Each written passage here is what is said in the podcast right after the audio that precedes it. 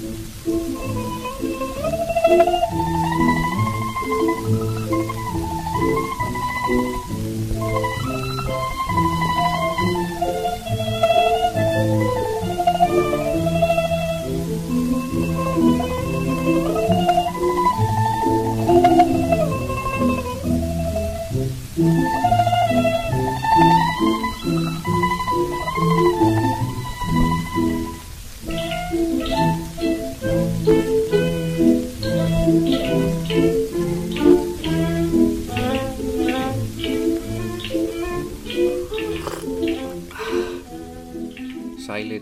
Hlustendur, hér sitt ég með kaffibólla og bý mig undir það að taka upp sjötta þáttinn í seríunni Saga Japans. Ég neittist til þess að fresta aðeins útgáfu á þessum þætti, aðalega því að ég átti svolítið erut með skipulag og svo var líka bara að segja þess að er að síðustu tveir þættir voru svolítið langir og, og metnaðar gerðnir og ég hugsa að það sé kannski betra til að jafna vinnuálagið fyrir sjálfa mig að hafa þá í svona aðeins stittir í kanti, hafa þá svona hálftíma langa og fókusu kannski auðlut. Já, það er svolítið til að detta í smáatriði og, og þennja þau út og að því mér finnst líka bara svo gaman að tala og segja frá hlutum og, og svo man ég eftir einhverju skemmtilegu atriðið og þá allir ég er ég farin að, að taka 20 mínútur í að skýra frá því og gleimi aðalatriðinu og það svolítið gerðist þegar ég var að skrifa upp þennan þátt. Ég ætlaði mér að fjalla um sko eiginlega samband Japans og Kóru og ja, mjög skemmtilega keisarænju að nafni Jingu en ég neðist til þess að setja Jingu yfir í næsta þátt út af því að ég byrjaði bara að setja nú að mörg smáatrið og ég komst að það er neðust að þetta voru svona hluti sem ég gæti ekki alveg sleft út af því að síðustu tveir þættir hafa verið þannig að við erum ekkert búin að, að ræða Japan og hvað er að gerast það heldur meira svona undibúa ræða konfúsjónisman ræða buddhisman ræða líka sem er mjög mikilvægt pólitíska ástandið í Kína sem hefur alltaf haft já, oftast haft verulega áhrif á sögu Japans. Og þegar Kína er upplugt og stert þá eru Japanir ofta tíðum að passa sig á þeim það er að vísu ekki mjög mörg dæmi um innrásir frá meginlandinu til Japans. Eiginlega bara eitt dæmi það er þegar mongólotnir reynaða og fara frá Kóruðurskáðunum þessa 190 km sem aðskilja Kyushu frá meginlandinu. Og þeir gerir innrás og þetta er eitt af örfáum dæmi um það að mongólar tapi í slíkri innrás.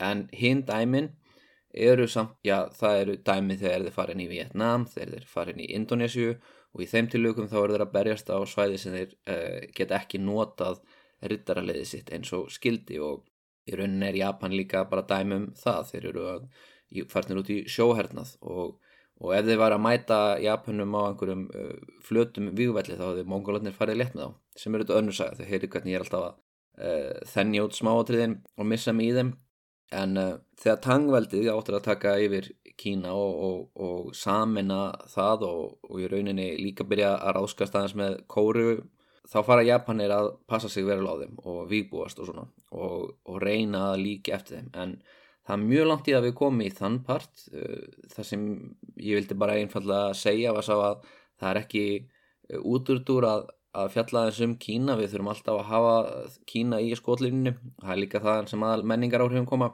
Og svo þurfum við líka aðeins velta fyrir okkur kóru því að það er svo stutt frá kóruðu til Japans í raun og veru. En ef við ætlum að fjalla um sögu Japans þá verðum við líka augljóslega að fjalla um hvað er að gerast á meðan í Japan. Og í þáttunum þar á undan var ég búin að segja frá Jomon tímabilunum, það er þessu 10.000 ára eða cirka 10.000 ára steinaldar manna tímabili sem framleiðir alveg ótrúlega falleg leirker og stittur bara í raunin alveg ótrúlegt magnaði líka, þetta er ekki eitthvað þetta er ekki eins og niður sjálfgeft, það er eða svolítið magna en uh, ótrúlega falleg eh, leirkjör og svo tekur Jájói menningin við. Hún er líka nefnd eftir leirkjörunum Jómón eins og ég nefndi merki bara snærismenning sem vísar í það hvernig að þessi munstur á leirkjörunum eru mótuð með snærum og Jájói það heitir eftir uh, hverfinu í Tókjó þar sem fyrstu Jájói leirkjörun fundust. En þau eru miklu mínimalískari og einfaldar í sniði sem er svolítið skrítið því að jájói menningin er miklu þróaðri. Þetta er fólk sem er að planta hrískrónum og kveiti og eru með hústýr og svo leiðis og eru byrjað að nota brons og meiri segja vestla við útlönd. En það komaði það, þetta er fólk sem kemur frá meginlandinu sennilegast ef ekki frá Suðastur Asju, það er auðvitað líka möguleiki. En allan að fólk sem hefur landnamsitt í Kyushu sem er þarna Suðvesturótti Japans og síðan færið það sig norður á bói og já, jói tímabilið það, það tekur ekki 10.000 ár, það tekur svona Eh, svona 800 ár cirka frá 600 til eh, fyrir krist til 200 eftir krist. Og við erum í raunin ekki með neina manneskur til að segja frá á þeim tíma það eru japanar ekki byrðið að skrifa neitt niður. Nema náttúrulega eins og ég kom inn á í þriðaþætti þá nefndi ég Himiko drotningu sem að kynverjar hafa haft fyrir að nefna hana út af því að hún sendi erindrika til Kína og, þeir nefna það þetta er fólk sem borðar hráan fisk með hrísgrjónum fólk sem er með skegg í framann, fólk sem húðflúra sig og fólk sem uh, lítur uh, stjórn hvenna sem kynverunum finnst svo undarlegt að þeir gera bara ráð fyrir hún sé nord sem stund ekkert svartagaldur því annað er alveg fárálegt.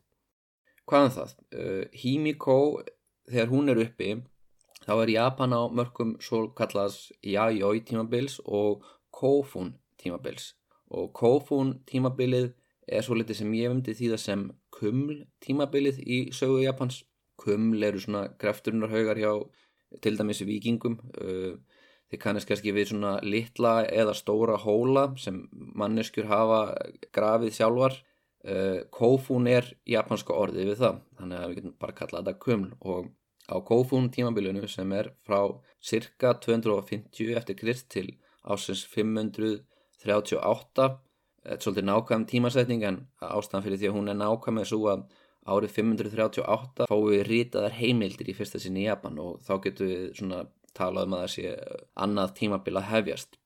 Kofun tímabilið, það markar engin svona sérstök sko menningar kvörf í raun og veru. Það er að segja fólk er enþá að búa til sömu jájói leirkerinn. Þetta er ekki annað fólk, þetta eru afkomendur þessar sömu landnæm og komuð aðna og þeir eru búin að breyða sig út um Shikoku, Kyushu og mest allt Honshu en ekki norður part Honshu uh, alveg, þar er enþá uh, Jomon fólki í raun og veru við sjáum það í erðaransóknum á, á Japanum þar að segja að þarna fólki í norður og norðaustur hluta landsins er með meir af erðaefni frá Jomon fólkinu og uh, siðst og í þarna sérstaklega í kringum, þú veist, Osaka og, og Kyoto og svona stóru byggðirnar hérna í söðu uh, vestrinu mellir Kyushu og, og þessum helming af Honshu þar er fólk uh, með meira af jájá erðarninu en þetta er ekkit svo, svo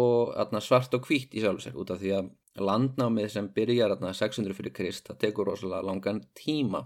Japan er uh, fjöllótt land þetta er náttúrulega mörgum fjögura jarðfleka og það eru eldfjöllana og það fylgta dölum og það gengur mjög senlega að uh, rækta þetta land.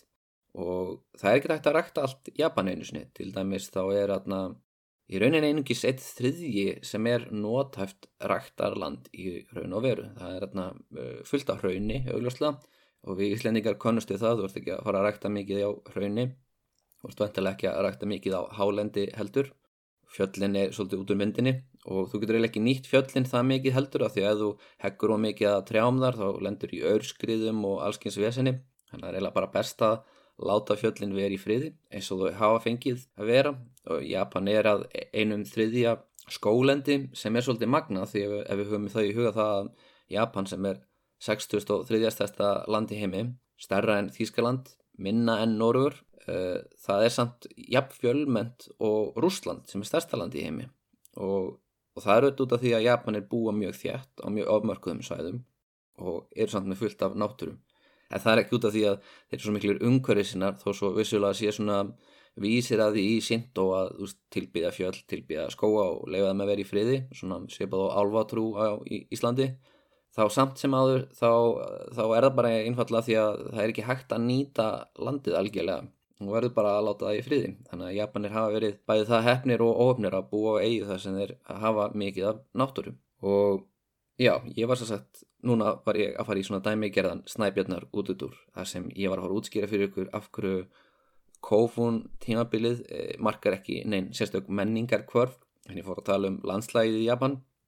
En sko það sem eh, gerist á Kofun tímanum er það að já, jáumenningin er orðin svo fjölmenn að þau eru farin að búa í bæjum, þetta er kannski ekki mennilis borgir en þetta eru þorp og bæjir og þeir hafa greinilega einhvers konar höfðingja eða konunga og augljóslega drottningar.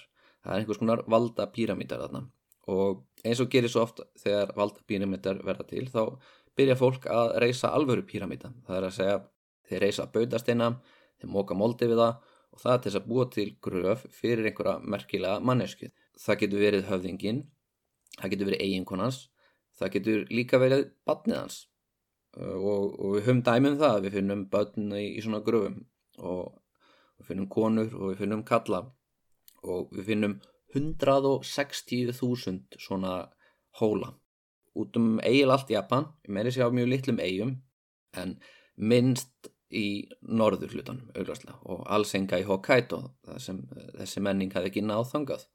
Svo þetta sýnir okkur að eh, til þess að grafa svona hauga svona hóla þá þarftu slatta að vinnafli eins og til dæmis sérst í tilviki svona kófún grafar sem er kent við Nintoku keisara og ég aftur að koma aðeins síðar inn á keisarana en Nintoku þessi hann er með 400 metra langan hól undir jörðinni eru raðir af bautasteinum og langi gangar og þetta er eitthvað sem sko hefur verið byggt af reista mönnum og, og það hefur tekið eh, mörgundru manns alveg marga mánuði að, að, að gera þetta.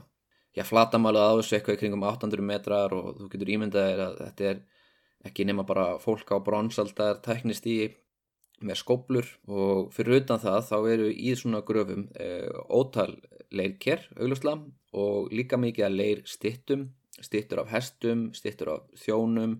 E, við svolítið þegar við skoðum þessa grafir þá sjáum við hýrarkíuna enn betur því við sjáum að höfðingin tekum með sér í gröfuna þjóna og, og hann þarf einhverja til þess að rækta landið í eftirlífinu þarna handan Sankvæmt kínversku heimildunum sem við höfum þá stunduðu Japanir það að grafa fólk lifandi. Og þeir segja þegar Hímík og drotning dó þá hafði hann tekið með sér í gröfuna hundrað manns þjóna og grafið lifandi með sér. Auðvitað er va landið sem kínverðinir er að lýsa svolítið langt í burtu og heimildir er að svona frekar ótryggar. Þannig að við skulum kannski ekkit fullir það neitt við vitum hins vegar að uh, í japanskum heimildum er líka talað um þetta.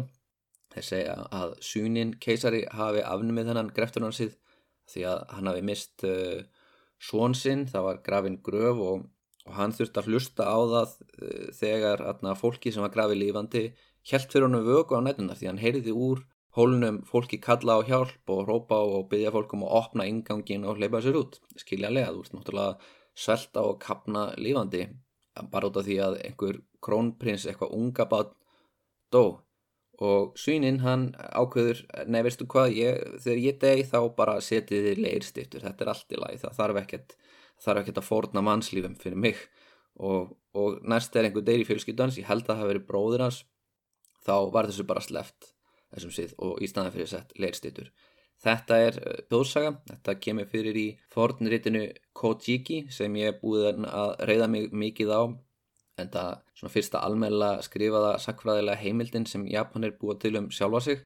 Mögulega er einhver dæmum það að fólk hafi verið grafið líðandi, ég get ekki nefnt neina slíka hóla.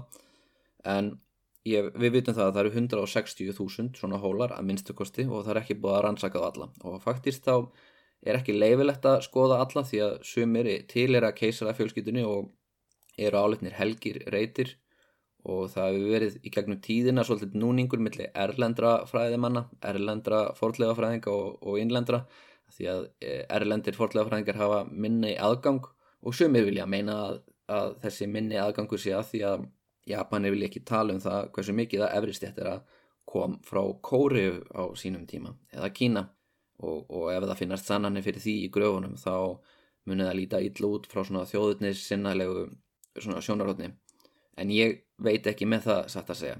Kuml tímabilið er þannig tímabil að það eru margir smákonungar út um alland alveg og kínverðarnir segja okkur. Og þið getur bara lustað á þáttinn minnum Hímíko og Nortnadróttingu til að heyra meir um það.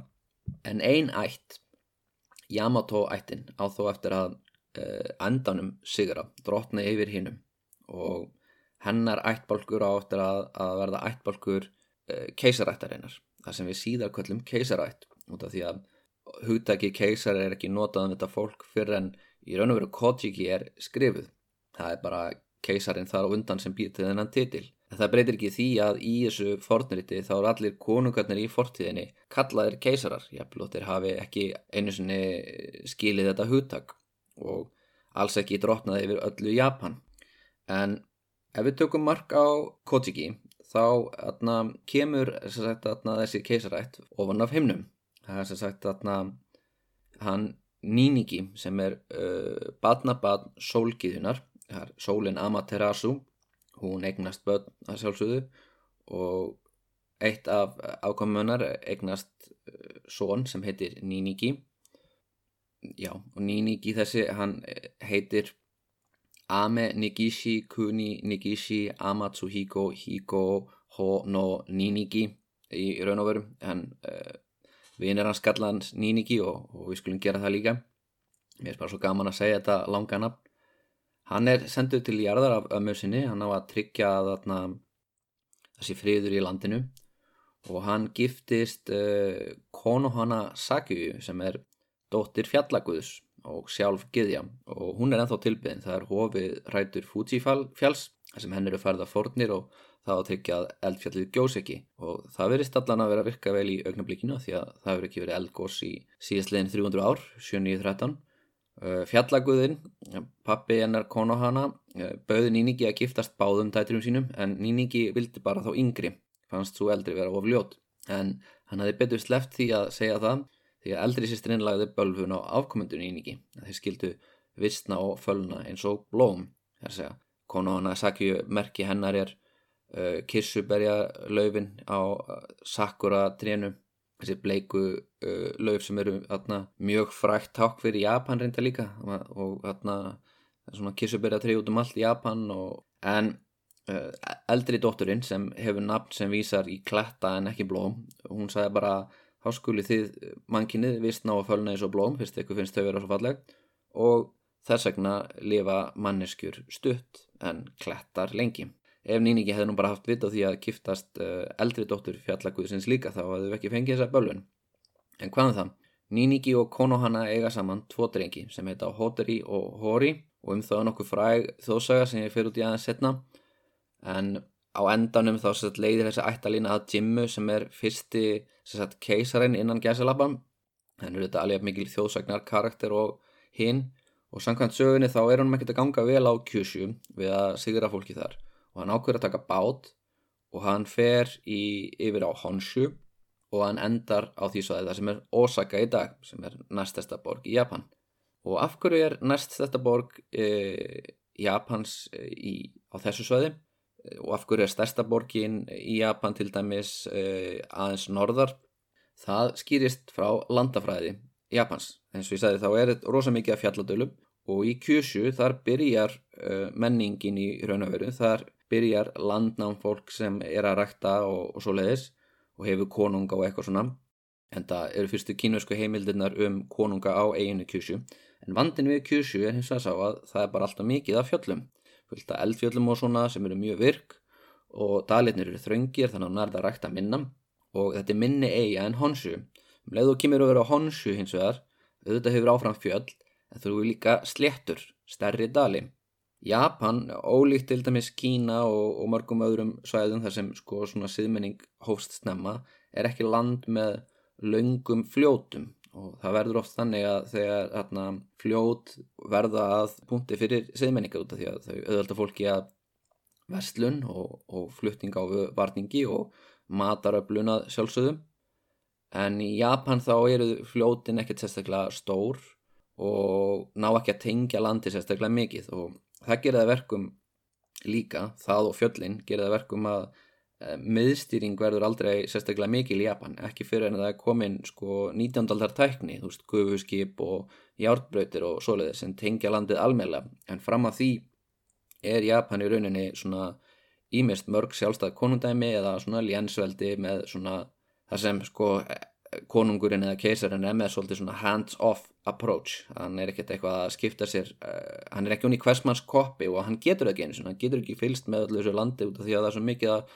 fjöllum og skóum og svo leiðis en þar sem er gott ræktaland það er til dæmis svæðið þar sem Osaka er.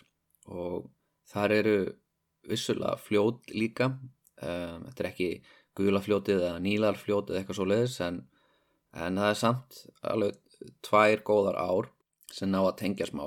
Og á þessu svæði þar eru fyrstu svona raunverulegu höfuborgir eða borgir í Japan restar, það eru veist, Asuka og Nara og Osaka reyndar var á tímabili líka höfuborg í Japan í mjög stöðan tíma. Mikilvæg Hafnaborg og, og, Veslunaborg að sjálfsögðu. Svo er Kyoto þarna skamt undan sem á sínu tíma hétt Heian en uh, kannski ekki á sjálfur slettunni en samt að stað það sem er auðvelt bæði að verja borgina og líka fylgjast með uh, því sem er í gangi þarna mikilvægasta matarframlislu svæði landsins. Og í raunum á að segja sko að á kófrumtímanum þá færist pólitísk þungamiðja Japans frá Kyushu yfir að Kansai svæðinu þar sem Osaka, Nara og Kyoto rýs upp síðar.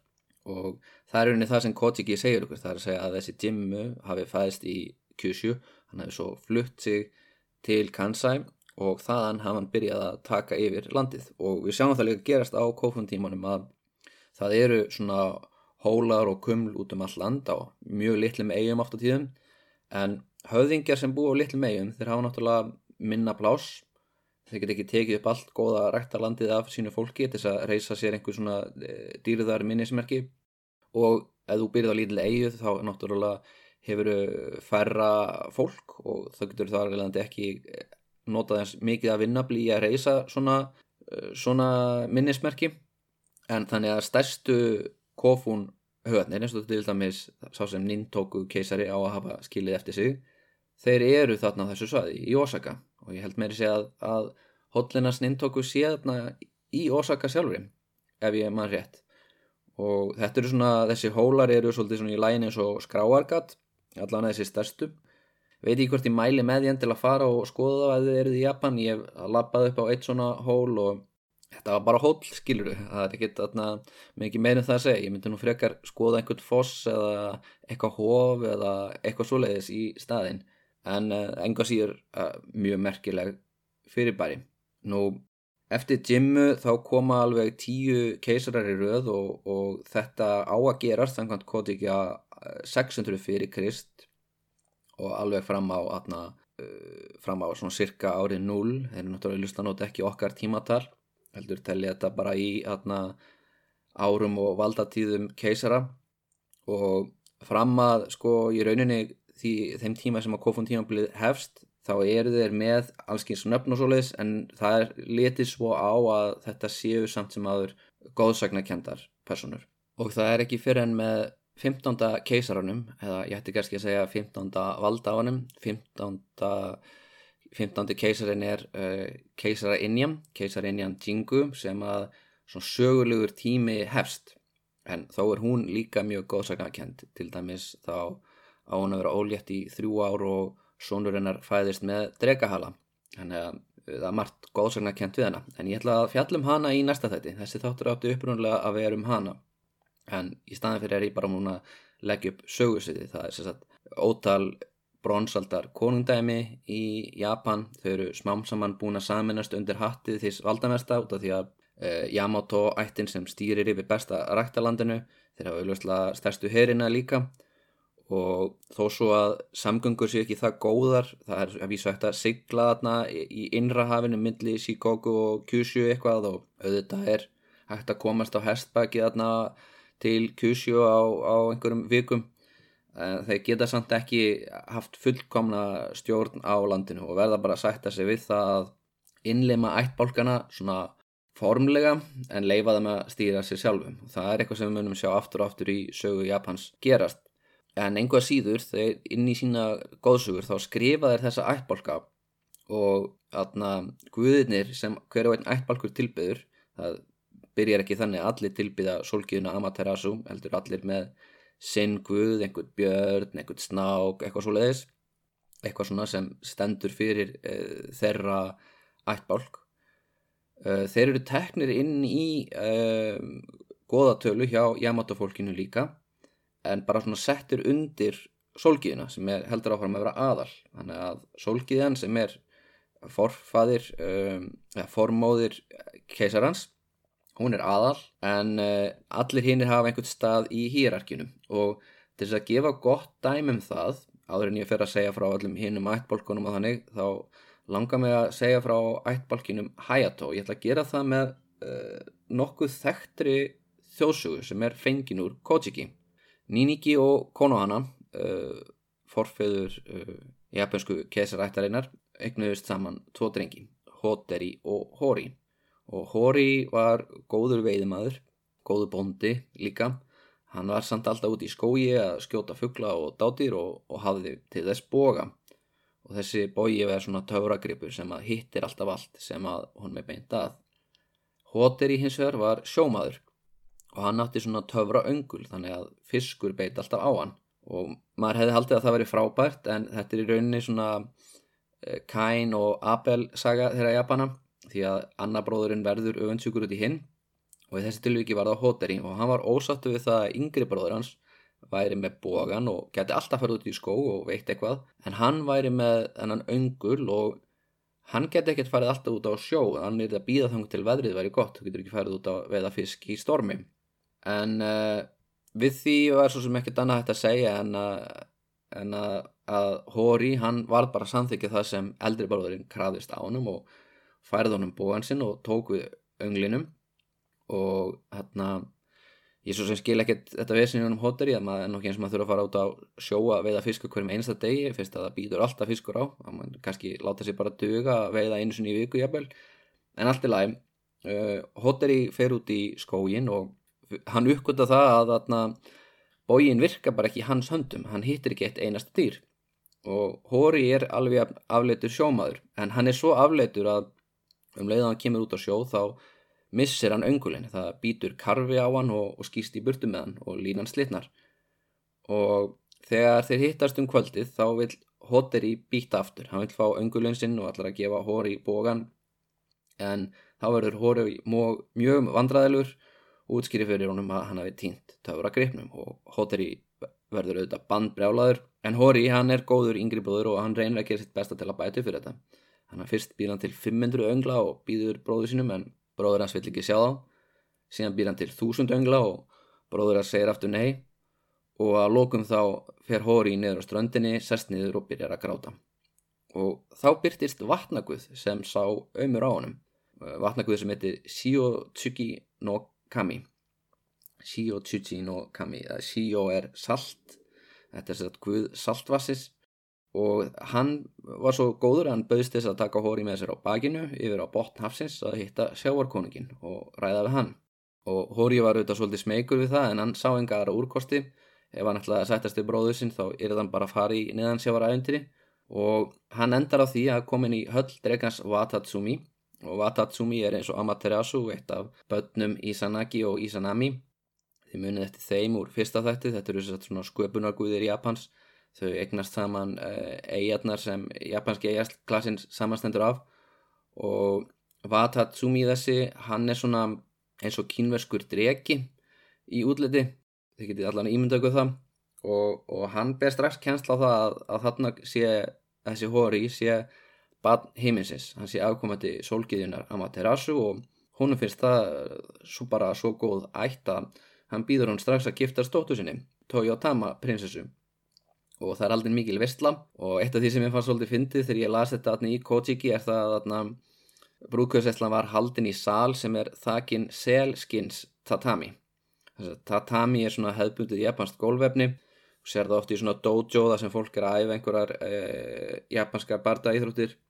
Eru svona tatami móttur og Það eru í svona gamlum japanskum húsum opnar úr sefi yfirleitt eða einhvers konar svona stráum og bara nokkuð þægilegar þegar maður er búin að vennjast þeim. Uh, í nútímjöleiri húsum er stundum bara eitt herbergi með svona tatami móttu af því að það er svolítið dýrt að vefja svona saman en fólk uh, í gamla daga það, það sá ekki fyrir sér annað en að það væri að sjálfsögðu tatami í höll uh, neðansjávar dregans og hvað væri neðan sér að drikki með, jú hann er með tatami úr selskinni.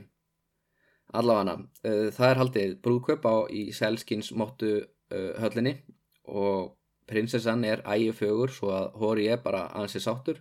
Og hann býr þar í velistingum eftir brúðkaupið í þrjú ár, bara þrjú ár af allsælu og hann er ótrúlega sáttur og allt það en að lókum eftir þrjú ár þá andvarpar hann einu sinni. Og fyrst hann andvarpaði einu sinni þá aðna verður prinsessan strax mjög ágifull og hún spyr hann út í hvað hann sé að hugsa og Hóri viðurkennir að það ángra hann ennþá að hann hafa aldrei skilað bróðu sínum önglinum og um leið og hún heyrir af því þá kallar hún saman alla fiska sjáarins og það er ekkert mál því að hún er náttúrulega eh, prinsessa og dótti sjáaguðsins og, og dýrin mæta öll og í einni torfunni þá finnst vatnakarfi með öngulinn í kjæftinum og þá vil Hóri fara heima sjálfsögum sem tengdaföður hans finnst mjög miður. En hann segir hann þó að fyrst hann ætla yfirborðið með dóttur hans þá skulle hann taka með sér tvo kynsteina annan sem hækki sjáarfallið og annan sem lækka það. Og hann skuli hérna frá aldrei lúta bróðu sínum aftur, heldur láta hann lúta sér. Og það gerir Hóri, hann fer upp á yfirborðið með steinana.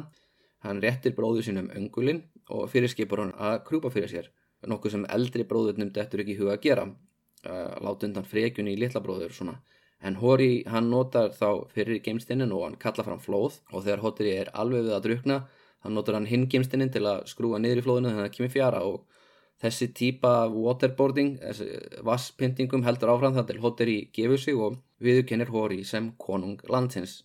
Og þá kallar Hóri á Toyotama, drottningu sína og hún stýgur á landi fyrsta sinn og hún tilkynir eigimanni sínum að hún eigi von á sínu fyrsta badni og það mætti halda að nú væri æventrið búið og allir lifi hamingjusamlega e, til æviloka en svo er því miður ekki. Því að Toyotama hún býr sér til kofa þar sem hún ætla sér að fæða badnið og hún byður eiginnmennsunum að halda sig utandira og alls ekki kíkja inn. Og þetta vísar í ákveðna svona sint og hefð. Ég veit ekki hversu algengum var í Japan til forna en ég veit að hún var stunduð alveg fram á 19. öldina. Og það var það að konu voru látnar yfirgefa heimili sín til þess að fæða börn í svona eila sérsmíðum skúrum.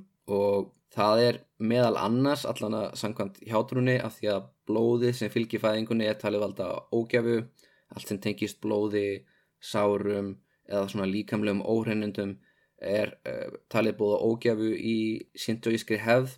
Allan að þeir sem hefðu efnaði þeir reistu sér kofa fyrir fæðingar sem svo var hægt að rífa niður aftur og ég vil brenna eftir, til að losna við mengununa það var stundað alveg fram á 20. stöld skilst mér sumstaðar en ég veit ekki hvort allir hafa eftir því að reysa sér fæðingar skála ég er svona skeftískur á það. En samkvæmt þessari þjóðsugu þá er þakið á kofanum úr skarfa fjöðrum og Toyotama hún kemur upp úr hafun á risa skjaldböku en því miður er ekki búið að klára kofan í tæka tíð, það er enþá ekki allar fjöðurna komnar þannig að það er lítið gat á þakinum og hún enga síður byður eiginmannsinum að kíkja aldrei inn. Og sver svo inn og byrjar að öskra og æpa og það er eflaust reynir svolítið á viljastyrk hóri að, að standa við lofur sitt. En þarna Að lókum þá stænst hann ekki mátið, hann kíkir yfir, en það kannski bara mjög ágifullir að einhvern hans er að öskra sásöku og hann langar kannski að hjálpa, en þá aukvöldan á það að konan hans er komin úr mannesku hamnum, hún er orðin að drega og nú ættum maður kannski að segja við hverju bjóstu hóri minn, eh, pappi hennar er svona vatnadregi, eh, áttur vona á að hann ætti mennska dóttur, en en atna, orðið sem fornviti notar vani, það geti átt við um hákall eða eða krokodíl þannig að hann kannski kíkir upp og hann sér einhvers konar risavegsin hákall eða einhvers konar krokodíl uh, fyrir að reyna að fæða badn og, og er að fæða mennst badn og það er ekkert skrítið að hann verði hrættur og hlaupi burtu og eftir þetta þá er Toyotama svo fúl út í eigimann sinn að hún atna, og skammast hinn kannski uh, virðist vera, hún skilur eftir badnið og fess út í hafið En það vil svo til að, að litla sýstir hennar uh, kom líka þegar hún heyriði óp inn í sýstu sinni og hún pekar upp batnið og hún ákveður að alaða upp og sangant þjóðsvöni þá endar hún svo á því að giftast þessu batnið þegar það verður stort um, sem er þetta svolítið weird en svo sem ekkit skrítnar en margt annað sem þessi keisara fjölskylda á eftir að gera síðan mér. En sangant þessu þá atna, sagt, e, vext þessi drengur upp úr grasi Hann giftist uh, þessari vatnagiðu og þau eignast annan són sem er Jimmu og það er fyrsti keisarinn samkvæmt hefðinni. Hvað hefur við lært af þessari sögu? Já, við hefum kannski lært það að Kojiki er ekki beinleis sagfræðiritt þó svo við getum tekið svona punktúrun eins og að einhver höfðingi fari frá Kyushu og nemi land í það sem er stærra pláss og betra ræktaland í austri og nýtir sér svo auðlindir þessa land til þess að auka við veldi sitt. Má kannski segja að það sé í rauninni óhjákvæmulegt að um leið og uh, land er numið á því svæði að, að, að sá höfðingi sem nemi land þar hann eigi eftir að verða uh, valda meir en þeir sem búa í litlu dölunum. Uh, og maður má mörguleiti skipta sögu Japans upp í ákveðin tímabil eftir því hvernig landbúnaður færist norður á bóin auðvitað þá er hrískunarækt ekki mikil í nýrsta hluta Japans og, og Japanin er nema land í Hokkaido ekki fyrir mjög seint og eiginlega bara strategískum ástæðum. En tökum sem dæmi uh, sléttan aðna við Kansai. Hún er næst stærsta sléttan og stærsta sléttan er Kanto sléttan og á Kanto sléttin í dag er Tokyo og Yokohama og það er stærsta þjættbílisvæði í heimi í raun og veru. Þannig að búum 30 miljón manns. Um, en landnámið best tangað ekki fyrir einn svona seint á jájói tímanum. Og þetta næri ekki að vera svona full nýtt og full þróað fyrir enn mjög seint. En um leið og það gerist um leið og atna, Eh, byggð er komin eh, þanga norður þá færist pólitísk þunga með það aftur og þetta sinni við á svæði það sem Tókjó er í dag og það gerir það fyrst á svona 13. öll þegar Kamakura eh, verður í höfuborg Japans og síðan fer hún reyndar aftur í smá stundi yfir á Kyoto svæðið og áður en eftir borgarasturjöld hún endir átna það sem Tókjó er í dag að mörguleiti má segja að í sakfræði þá sé landafræði örlögin Um, Kyushu er kannski óhjákamlega staðurinn þar sem menning uh, megilandsins berst fyrst til uh, þangað í gegnum hafnabær þar kemur bútismin líka síðar kristnin en líka tæknis og silkirægt hjátsmíði og sjálfsögðu pláur eins og bólusót og svarti döði og einminnslegt annað skemmtilegt. Og það er þá eðlilegt að í Kyushu þá sé ákveðin byrjunapunktur en af því að dalitni þar eru svo litlir og þröngir þá, þá færist í rauninni þungamiðan þar sem rættalandið er betra eins og aðna í knygum Kansai. En að lokum þegar, þegar fólk byrjar að rækta jafnvel enn norðar í, á Tókjósaðinni, Kanto sléttunni þá uh, færist pólitíska þungamiðan þanga þar sem er meira fólki. Og endanum þá dominerar Tókjó yfir Japan eins og það gerir í dag. Að því sögðu þá langar maður að nefna það að þarna, þetta er ekki eina þjóðsagan, þessi þjóðsaga um hoteri og hori sem þarna, það sem fólk fer og heimsækir drega í neðansjáurhöll til dæmis þá þarna, er til mjög fræg þjóðsaga um Urashima Taro sem e, bjargar skjaldböku frá börnum sem eru að pínana, er að leika sér að henni og skjaldbakan er svo þakklátt að hún býður honum að, að setjast að bak sér og hún muni synda með hann að hitta konung Hafsins. Og Urashima Taro hann þykku það. Og hann e, þarna, giftist þar prinsessu og lifir bara í velistingum og finnst allt frábært. En á lokum þá andar bara hann, hann fyllist heimþrá og söknuði. Og prinsessan hún kemur ekki með honum, hún leifur honum bara að fara en segir hún um að taka með sér einn kistil, hann, hann megi aldrei opna hann. Og hann lofar henni það.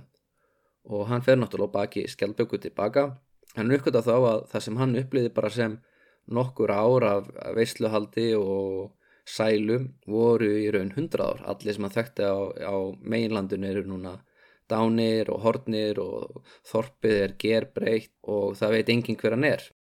Og hann endar á því að hann aðna sest niður einmanna og leiður og, og ákveður að opna kirstilinn og um leiðan opna kirstilinn þá verður hann gammal maður og deyr.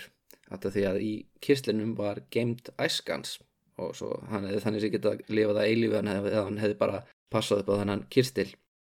En aðna í næsta þætti þá mun ég fjalla um svona fyrstu sögulegu valdagana í Japan þar að segja ég mun fjalla um Jingu keisareinju og svona hennar Ojin sem eru auðvitað þjóðsagnarkend og góðsagnarkend og allt það en Ojin var líklega raunverulega til og, og sannilega líka móður hans eða hvað, já, það er umdelt kannski en uh, móður hans er sagt, uh, 15.